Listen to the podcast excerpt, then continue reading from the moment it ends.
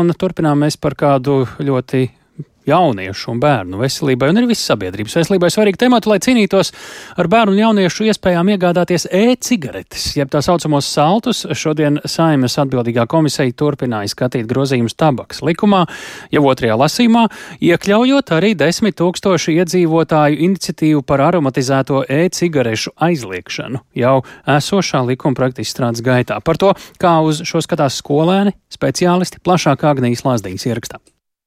Smaržas un garšas pievilina bērnus smēķētāji cigaretes. Tā stāsta Rīgas ielās sastaptie skolēni.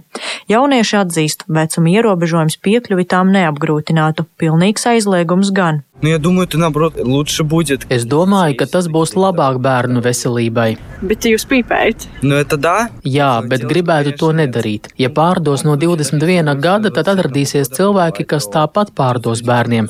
Skolā mums arī stāstīja, cik slikti tas ir, bet nevienam tas neinteresē. Все те, кто курит, никому это не.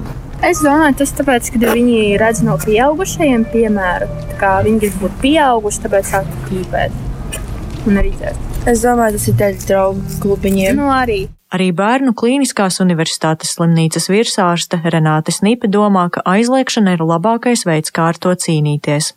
Viennozīmīgi mēs esam par to, ka ir jāaizliedz alternatīvās smēķēšanas ierīces ar dažādām garšām, jo tas ir ātrākais ceļš, lai bērni pat ļoti mazā vecumā gribētu mēģināt, un kā šobrīd tāda pieredze, kā liecina skolotāji, skolu direktori, tā ir milzīgi plaši izplatīta problēma. Saimas sociālo un darba lietu komisijas priekšsēdētāja Inga Bērziņa uzsver, ka būtu nepieciešams arī palielināt soda naudas, tostarp jāskata krimināla atbildība par e-cigarešu neatļautu tirgošanu lai šī cīņa kļūtu pēc iespējas efektīva. Lai ar to reiķinātos arī jaunieši, tas varētu būt līdzeklis, kas palīdzētu pret šo sērgu cīnīties. Tāpat tiek apsvērti arī citi ierobežojumi, piemēram, paaugstināt legālo iegādes vecumu līdz 19 gadiem un pastiprināt muitas kontroli, lai elektroniskās cigaretes nenonāktu nelegālā tirzniecībā.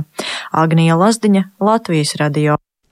Šodien saimnes komisijas sēdē klāt bija arī pusauģu psihoterapijas centra vadītājs, bērnu psihoterapijas speciālists Nils Saks Konstantīnos.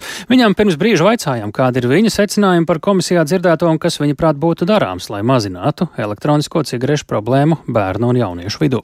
Pirmā lieta, kas pārsteidz, ir tas, ka šāda veida lēmumi tiek pieņemti tomēr jāsaka tīri emocionāli nebalstoties no absolūti nekādos plašākos pētījumos vai datos. Un, uh, mēs nedzirdējām nu, tiešām nevienu atsauci uz kādiem pētījumiem vai kādu pamatojumu, kāpēc tas, ko šodien mēģināja pieņemt, kāpēc tas varētu palīdzēt kādam atmest smēķēšanu, samazināt smēķēšanu, palīdzēt bērniem kaut kā neuzsākt smēķēšanu. Otra lieta, ko var redzēt, ir, ka mēs ejam to ļoti ierasto Latvijai tāku, ka vienkārši visu aizliegt, pēc iespējas vairāk aizliegt, tā nepārdomāti visu kaut ko aizliedzot, mēs vienkārši radām riskus, par kuriem šobrīd varbūt eh, deputāti neiedomājas, ka tas var radīt vēl lielākas problēmas ilgtermiņā. Varam panākt to, ka jaunieši daudz vairāk šīs lietas pērk nelegāli, kontaktā daudz vairāk ar nelegālo vielu tirgotājiem internetā, kas pārdod jau dažādas narkotikas. Tā noteikti lieta, ko mēs negribam.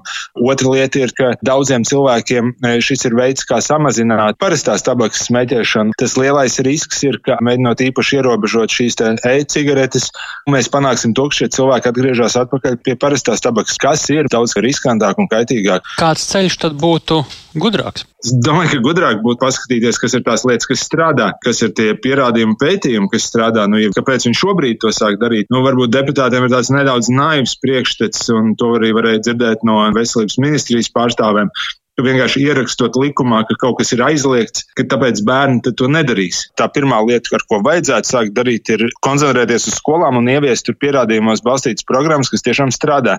Savukārt otra lieta, mums vajadzētu tomēr valstī paskatīties, ko domā speciālisti Lielbritānijā, Zviedrijā, Dānijā, kur ir krietni labāki veselības rādītāji, kur cilvēki daudz mazāk slimo ar onkoloģiskām saslimšanām un daudz mazāk eh, cieši no dažādām narkotiku problēmām. Un vienoties, vai tiešām šīs e-cigaretes ir tieši tikpat kaitīgas kā parastie tabaks izstrādājumi, vai tomēr pievienojamies plašākai sabiedrībai un, un saprotam, ka tas ir nozīmīgs veids, kā daudziem cilvēkiem atmest smēķēšanu, samazināt šos riskus. Tā Nils Saks Konstantīnos galveno lēmumu par e-cigaretēm jauniešiem un bērniem vēl tikai priekšā.